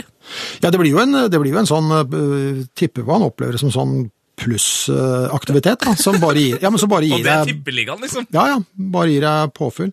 Nå gjenstår det å se da om han uh, kommer seg ut på den banen, og hvordan det går. Ja. Men uh, jeg syns jo innstillinga om at uh, han angivelig skal ha sagt at han hadde ikke noe særlig å tape, den liker jeg for så vidt. Vi er jo stort sett altfor redd for å drite oss ut, så ære være han for at han forsøker, men det kan være litt sånn Ja, jeg, jeg vet ikke. Vi, får- vi, får se, vi får se hvordan det ser ut. Ja. Jeg, jeg øh, ha, jeg, jeg er litt tvilsom til om han klarer å berge Sandefjord. Eh, vi, vi fikk også eh, se hvordan Lars-Laks-troppen blir nå. Eh, kanskje ikke de aller største overraskelsene, men eh, Haitam Alasami, Alasami jo, er det Alasami? Jo, og Ole Sandnes eh, kan få sine debuter. Ja, det er jo klart at det er jo mulig. Det, det er mulig, ja. Det er mulig. De er jo tatt ut i troppen. Jeg eh, tviler vel på om eh, begge to starter. Mm. Eh, For det er liksom over halvparten skal jo barberes vekk her før du får eh, satt på plass et lag. Eh, Men det er jo morsomt. Føler jeg litt at Høgmo òg pleier også å ta folk inn en stund, og så la de prøve, liksom være med i troppen før, før de får spille, på en måte. Ja, og så kan den ha vært litt sånn som er så populært og moderne, men uh, som jeg syns er litt døstete. Vi skal jo være litt sånn, sånn taktisk, politisk kloke Ja. og sånn. ikke sant? Det er det spillere som er nevnt i pressen og fått skryt og sånn, og så tar vi inn dem, da, og så får vi ikke noe kritikk for det, i hvert fall. Uh, Men det blir jo sittende der. Eh, Men det er jo klart, eh, Ole Selnes, eh, jeg hørte på pressekonferansen i går eh, vet du, han har gjort det litt rart for seg selv da, å betrakte et landslag som et klubblag. Det er jo en ganske stor forskjell. For det første så samles landslaget 30 dager i året, røftlig, mens Ja. et klubblag samles 30 dager i måneden. Eh, Da får du innøvd noen relasjoner som det er litt vrient å få til på et landslag. Men eh, når du da tar ut eh, både Søderlund, Helland og Selnes, så har du i hvert fall en trio som har ekstremt gode relasjoner på klubblaget. Og det kan jo være et pre på et landslag som ikke får øvd så mye på den type øh, Får trent så mye på det som et landslag får gjort. Det viser seg jo kanskje ofte i de gode landslagene at det er mer, kanskje ofte opptil fire spillere fra samme lag, om det er i sentrallinja eller på, på den ene sida. Ja, hvis du De eh, første lagene husker jeg vel ikke eksakt lagoppstillingen, men både da eh, Spania blei europamestere første gang og så verdensmestere, så var jo stort sett de fem bakere. Mm. Bortsett fra Captevia, så spilte jo resten for eh, stort sett Real Madrid. Casillas sto i mål, det var Ramos, og det var eh, eh, mens, mens de som var fra midten og framover, de var jo stort sett fra Barcelona. ja, ikke sant? For der spilte jo Xavi Iniesta, og, der, eh, og Busquets sto jo ofte på midten, ikke sant? Og via fra ja, toppen ja, der. ja. Og det er jo, det har jo, det har jo eh, Da har du jo tenkt klokt, for da får du jo øh, oven i kjøpet, som min tante sa. Oven, oven i kjøpet, ja. Oven i kjøpet, Da får du jo de relasjonene som de har øh, seg imellom på klubblaget, overført til et landslag. Det er litt, eh, litt tilbake til det med å snakke om i gamle om at liksom Norge nesten heller bare burde spilt med Rosenborg for det, eh, som landslag, for de var så samkjørte, og alle var jo, alle var jo nordmenn omtrent på det laget uansett, så han kunne bare kjørt hele, hele elveren. Ja, men, men noen ganger vet du, så kommer vi over noe så, eh, noen så enkle løsninger at folk sier at nei, det, det her er for enkelt, det skjønner du. Så det mm. hvorfor går ikke det, da? Hvis de kan yppe seg mot Borussia Dortmund, og Real Madrid og Porto og Olympiakos, hvorfor kan de ikke da yppe seg mot uh, Sverige eller, eh, eller en annen nasjon? Selvfølgelig kan de det. Eller kunne de det? For det var et uh, lagmaskineri som vi ikke har hatt maken til i, i Norge. Ja, det var, det var litt sånn eh, når Rosenborg eh, sleit som mest, eh, så var det jo det også at den gamle stilen til Eggen var da på en måte blitt for enkel. Eh, og det har jo på en måte Kåre Ingebrigtsen og laget nå bevist at den ikke var. Eh, selv om fotballen forandrer seg. Nei, men det, det der hører vi igjen. Jeg tror Nils har kalt det noe sånt som loven om suksessmetning. Altså Hvis du har vunnet nok, så, så finner vi alltid Vi henger oss eksempelvis opp i hvor få kilometer Messi har løpt når han ikke har scora. Men det er ingen som teller kilometer hans når han har scora tre. Jeg tipper han ikke har løpt så mye mer. uh, og vi, eh, vi Det blir sånne dustete resonnementer som ikke henger på greip fra den ene til Det blir så, det blir så øyeblikksorientert. Eh, Men får vi et, kan vi få et godt, godt resonnement på om Norge kommer til EM eller ikke? Eh, om vi kommer til EM, sitter jo fortsatt litt langt inne. Men hvis vi unngår å tape i Bulgaria, så er jo uh, sannsynligheten stor for at vi klarer Da vil jeg kanskje tro at vi klarer en playoff-plass. Så det er, viktig, det er viktigere å ikke tape den kampen enn å vinne den? faktisk. Nei, det er, jeg syns jo alltid det er viktigst å vinne, det Ja. sa, men du, du kan jo ha ulike strategier for å ville vinne en kamp. Uh, Mini var vel, uttalte vel at han syntes det hadde vært fint om det var defensiv struktur, og det er jo den safety first-pluggen alle nordmenn trekker i, fordi, for de mener at da risikerer vi minst. Ja. Men jeg tror ikke vi skal blande risiko inn i det, at eh, du risikerer noe annet ved å ikke ville angripe noe særlig, og det er noe så enkelt som at tida går. Eh, og hvis du, da, hvis du da får en imot deg, så skal du liksom legge, du skal kaste om på hele planen. Spørsmålet er jo om Norge har et godt nok lag som kan tukte eh, Bulgaria med et velutvikla angrepsspill. Ja. Eh, Men så ser jeg jo også at vi, eh, vi sliter jo litt eh, bakover. Vi har en keeper som plundrer litt med å stå i Tyskland, Nyland. Vi har ikke noen midtstopperbautaer, selv om Hovland var bra seinest. Men, men Forren var ok på Ullevål nå mot, mot Vålinga, men har vært litt rufsete han også. Og det er jo klart at det, det legger jo litt, hvis du, hvis du føler deg litt utrygg i den skal vi si, bakre 1 pluss 4, så er det ikke sikkert at du angriper med like stor eh, Selvtillit. ja, ikke sant? At du har tro på at dette her skal faktisk eh, kunne gå. Så jeg, jeg, jeg er spent på laguttaket, selvfølgelig, som alle andre. Og så er jeg spent på strategien, som jeg syns har vært eh, kraftig naiv eh, noen ganger. Sånn, eh, jeg var jo selv på Stade France i fjor og fikk høre at vi skulle spille ut Frankrike på Stade France. Ja. Det var vi vel bortimot aldri i nærheten av. Eh, og et landslag, altså et landslag skal, klubblag skal utvikle laget sitt og vinne fotballkamper, men de har så innmari mye bedre tid på å få utvikla det laget. Ja. Et landslag må legge opp en slagkraftig strategi med eh, et, eh, et mannskap som da bekler de rollene som, som igjen skal utøve denne strategien, og det er en litt annen øvelse. En landslagssjef er jo en komponist, Mm. mens en klubbtrener er jo en produktutvikler. Ja, det er to, to forskjellige um, Ja, det er derfor To helt forskjellige jobber. Det er derfor det heter jo ikke landslagstrener etter landslagssjef, så heter det Ja. fotballtrener på klubblaga. Får ikke trent det på landslaget, vet du. Nei, det er veldig sjelden.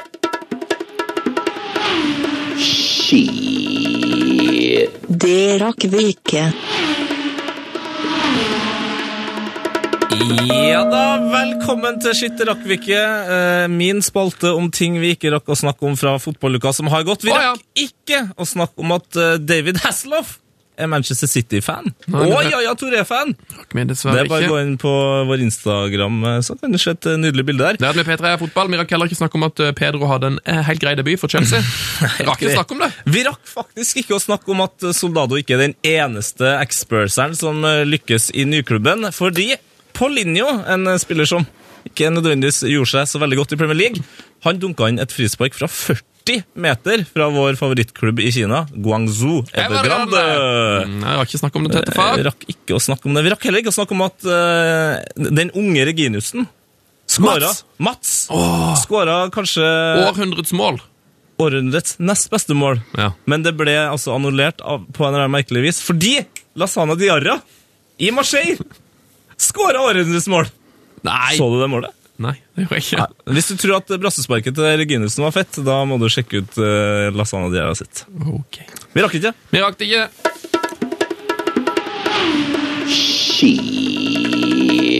Det rakk vi ikke. Det er mye vi ikke rakk å snakke om, Bengt. Ja, det er uh, kanskje like greit. Det er ofte det. Det er ofte det. Det er ikke engang snakk om at John Arne Riise skal spille under Roberto Carlos. Ja. Og Roberto Carlos er jo spillende trener. Ja, vi Eh, tenner et lys for eh, keeper der på den, den treningsfeltet. keepertreninga der Det kommer til å bli, det kommer til å bli hardt. Min evne vår quiz den finner du på Instagram. Der heter vi P3 Heia Fotball. Er du på Instagram, Bengt? Uh, nope. Nope. Du er på Twitter, vet jeg. Ja, det er vel veldig sporadisk, Ja. eh, men eh, jeg er nå det. Og så hender jeg i et øyeblikks eh, anfall får slengt ut et eller annet, men Du liker jeg, best å, å samtale raven. Jo, men jeg, jeg, jeg liker jo best å snakke med folk mens de er til stede, i stedet for å Ja, nei, vi snakker det er, det er, Jeg er jo ikke Men jeg, jeg, jeg gjør det faktisk, altså. Og så har jeg ikke jeg har ikke tid til å være med på mye sånne lange regler med diskusjoner om jordbær er bedre enn bringebær og sånn. Altså, det får folk finne ut av sjæl, og så spiser jeg jordbæra mine. Uansett, eh, dere andre kan gå inn på Instagram og se vår eh, quiz. Der kan du gjette en eh, karriere. Vi legger ut ny uh, quiz der ganske snart. Um, vi skal trekke en vinner av forrige ukes quiz òg, Tetfar. Det må vi jo gjøre. Da vinner du en Heia Fotball-T-skjorte. Og her har vi faktisk en eh, vinner, altså. Har vi det, ja? Ja, det har vi. Hva var, hva var riktig svar? Eh, Ja, riktig svar var jo Det var en litt sånn lurequiz eh, sist. Eh, Ja, ja, stemmer det. Det var lillebror eh, Bjørn Helge Riise. Eh, og det har Jørgen Eide fra eh, Bergen eh, svart. Han har svart helt riktig. Han har svart Så... Bjørn Helge Riise. Gratulerer. Da får du en uh, T-skjorte i posten. um, I størrelse medium, ser jeg her. Ja, det er medium, ja. Ja. Det er rått.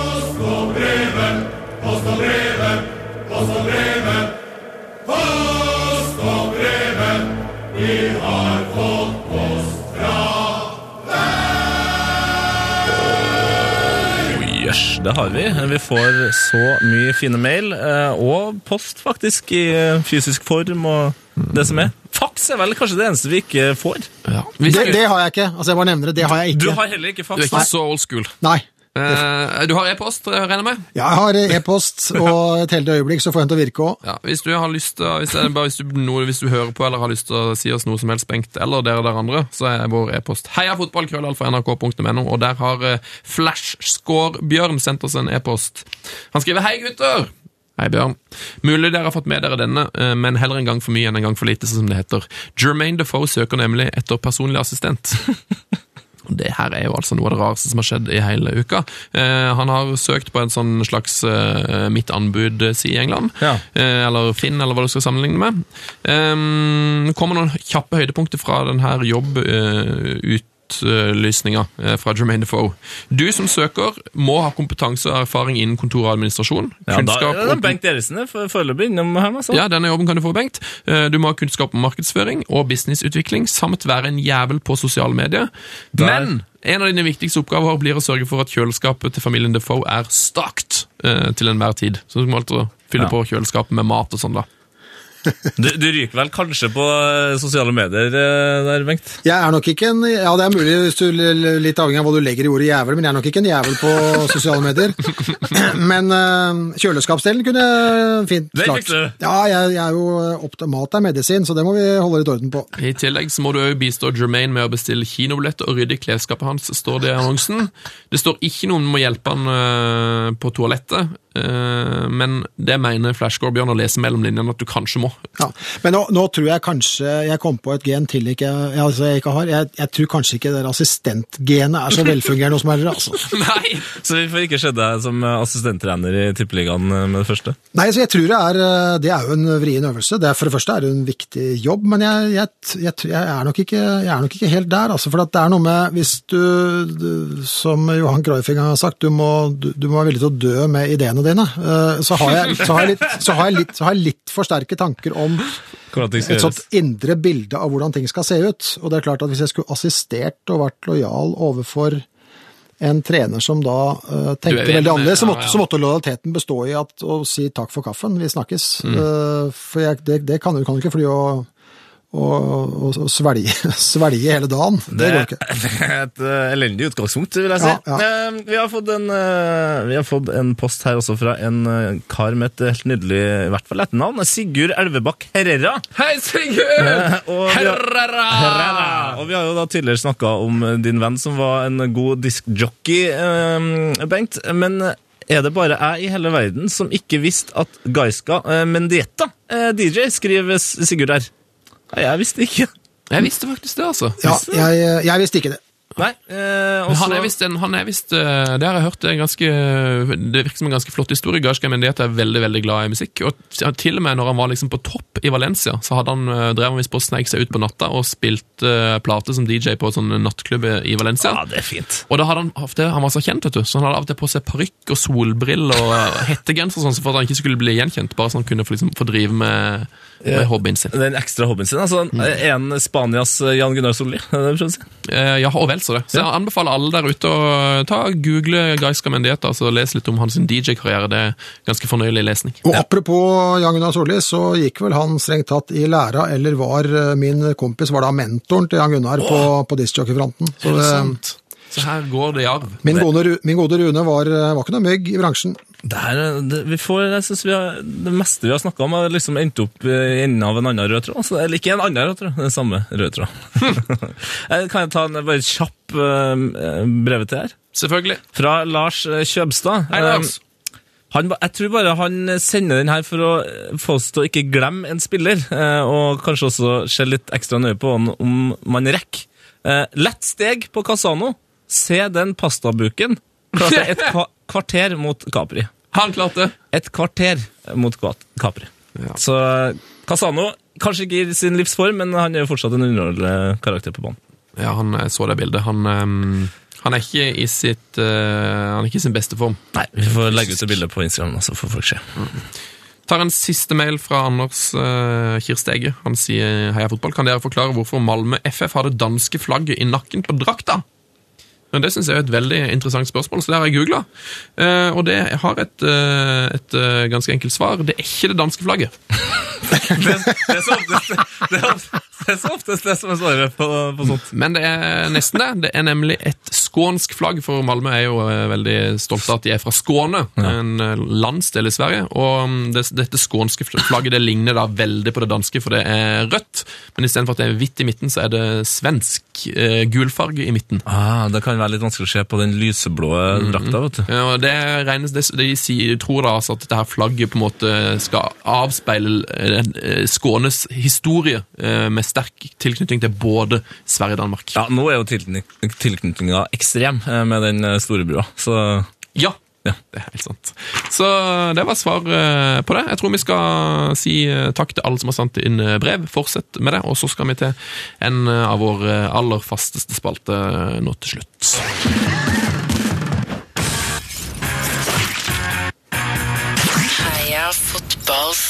Glory hall. Oh yes! Oh yes. Heia Fotballs eh, Glory Hall det er en, eh, en hyllestklubb til de flotteste fotballspillerne vi En vet om. hyllest eller en lystklubb? En hyllest! En Ja. Du må ikke si lystklubb.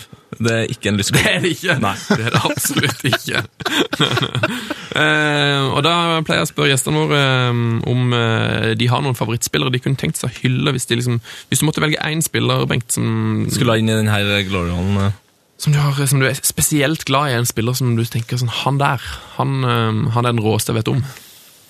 Som spiller i dag. Nei, han kan nei. være- altså, De som er her fra før, er um, Ehm, alt fra Ronaldinho til Lloyd Lislevang, liksom. Ja. Cafu er der. Uh, Arild Berg. Ja. Våre helter fra hele livet, egentlig. Uh, Så hvem hvem er det du setter høyest av alle fotballspillere du har sett? Nei, kanskje jeg skal ta en jeg har Dette blir jo mye å velge mellom, da, og da blir det jo litt svimmel. Men la meg ta en som øh, kanskje var den beste jeg øh, spilte sammen med. Min, ø, min gode samlivsterapeut. Vi kalte hverandre Vi lå alltid på rom sammen på turer. Men eh, Egil Snapperen Johansen fikk noen landskamper. Ja, fikk noen, Snapperen fordi at han sto i mål i hockey, selvfølgelig, da han var yngre. Men eh, fantastisk eh, fotballspiller.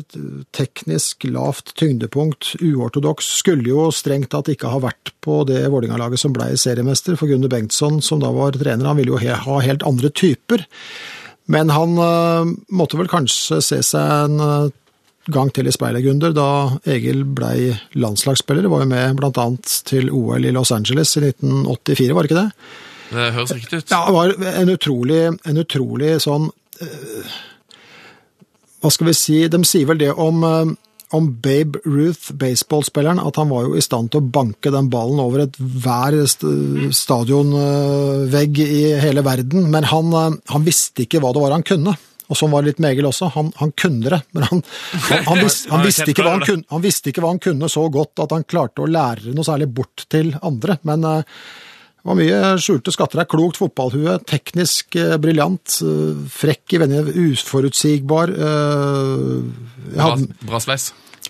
Eh, ja, han slo jo ikke meg da jeg hadde krøller, men eh, Men, eh, men Nei, Bøhler-gutt, som kom til, til Vålinga i 1983, vel. Mm. jeg, tror vi, jeg tror vi lemper snapperen rett inn i Hall of Fame, eller hva du kaller det for det. Glory Hall, ja. Rett Glory. Hall. Lett, rett inn, ikke lett inn. Jo, lett inn, jo. Eh, apropos det å ikke vite hva man driver med, det skal nok eh, også eh, dagens Glory Haller eh, på en måte bekjenne. Altså, han, jeg tror ikke han vet helt hva han driver med. Eh, den her er faktisk en lytterhold. Det er Vilde eh, Bårlaug Kjønås som har sendt oss den her. Hei, Vilde. Så det er vel egentlig bare å få det i gang, tenker jeg. Yes, Da er det bare å lene seg tilbake, Bengt, og så skal vi hylle en helt eh, her mot slutten. Jeg lener meg. Kjære EA Fotball. Det har blitt sagt tidligere, og jeg må dessverre si det igjen. Deres Glory Hall har svært store hull. Eller ikke nødvendigvis svært store hull, men nok hull til at det er plass til en spiller. To, eller ja, et helt lag. Men i dagens Glory Hall så skal dere få hilse på en gammel kjenning. Personen er blitt nevnt tidligere i podden, men han har aldri fått en plass blant stjernene langt der oppe. I dag skal det endres. Dagens menneske, rappstjerne og fotballspiller er trolig den eneste fotballspilleren som er elska av hele Norge. Tenk på det. Hele Norge.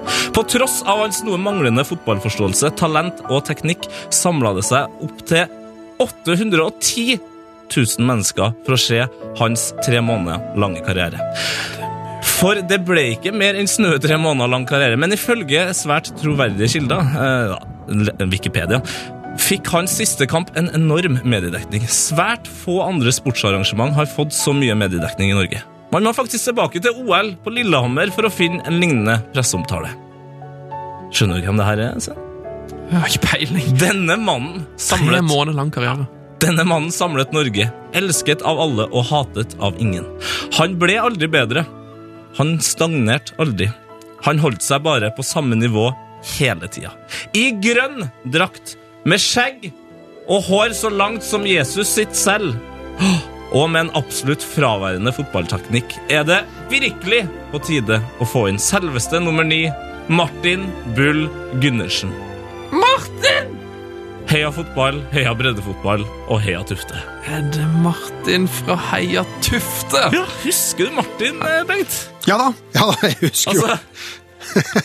Jeg, jeg vil jo påstå at eh, altså, det har vært mye snakk om eh, altså, det å, å få barn til å liksom trene og slutte med mobbing, holde på med aktiviteter, bla, bla. Altså, så mye greier om det i siste, så tror jeg kanskje vi bare glemte det fine prosjektet Hea Tufte, og da spesielt den eh, spilleren her som Altså, han, han var Bambi på isen, altså, men han, han ga jo aldri opp. Det var helt nydelig. Ja, Han var nydelig. Og nå er han der eh, sammen med Snapperen og Kafu Cafu og Ronaldinho og Sigurd Rushfeldt, og det er ikke måte på. Myggen. På Myggen. Det er fullt fortjent. Ja, det Det er er fullt fullt fortjent. fortjent. Bengt Eriksen, det har vært veldig hyggelig å ha deg på besøk. Takk det samme. Jeg lærte masse. Altså, jeg ledd eh, kanskje enda mer. Ja, er- Det, det, er, det fineste med at folk ler, er at da veit jeg i det minste at de hører etter. Ja, ikke sant? Så må du eh, håpe eh, du og Raven får eh, mange fine turer denne sesongen. Det, det håper jeg også. Vi er jo, vi er jo blitt ett, vi nå, vet du. Ja, det- Raven og jeg. Så håper jeg jo at, uh, at det blir sånn at badet ditt blir fint oppussa. Ja. Du snart skal flytte hjem igjen. Det, det, det, er hyggelig om ting er fint, men eh, det er viktigere at det er praktisk. Du vet hva vi gjør på bad, som alle andre, ikke sant? Ja. Det, det funker. Ja. At det funker, Ja. eh, og, og at du har en helt nydelig tur opp til, til Trondheim og får se eh, Rosenborg eh, ja! gå, eh, gå all in mot Støya. Ja, vinn, eh, vinn, går Rosenborg videre i Europaligaen. Jeg tror det. Jeg, jeg syns det var uh, sterkt. Det var ikke verdens beste forestilling. Det var stø, utrolig stødig. Og så sa min uh, gode venn og kollega Kenneth Fredheim, husker godt hva han sa da Mikkelsen skåra, det kom ut av ingenting, sa han. For det, Det gjorde det det gjorde det, men, uh, men det var uh, sterke og solide. Og med 3-0 så skal det godt gjøres. Jeg tror ikke Rosenborg kommer til å dra i den eh, safety-pluggen. Men, de, men du bør ikke bli hodeløse angrep av den grunn. Jeg tror Rosenborg går videre, og det er fi, kjempefint for norsk fotball. Åh, deilig! Vi lar det være siste ordet, og så tar vi en lang helg med fotball og sier heia fotball! Heia fotball! Heia fotball! Frank de Boer speelt de bal. Heel goed naar Dennis Bergkamp. Dennis Bergkamp. Dennis Bergkamp neemt de bal aan. Dennis Bergkamp. Dennis Bergkamp. Dennis Bergkamp. Dennis Bergkamp. Dennis Bergkamp. Oh! Frank de Boer speelt de bal Dennis Bergkamp. Die neemt de bal feilloos aan. En ik schiet de bal erin. We spelen nog officieel 20 seconden. Dennis Bergkamp. P3s Heia fotball. Ny episode hver fredag. Last ned din nye favorittpodkast på p3.no. Podkast. P3.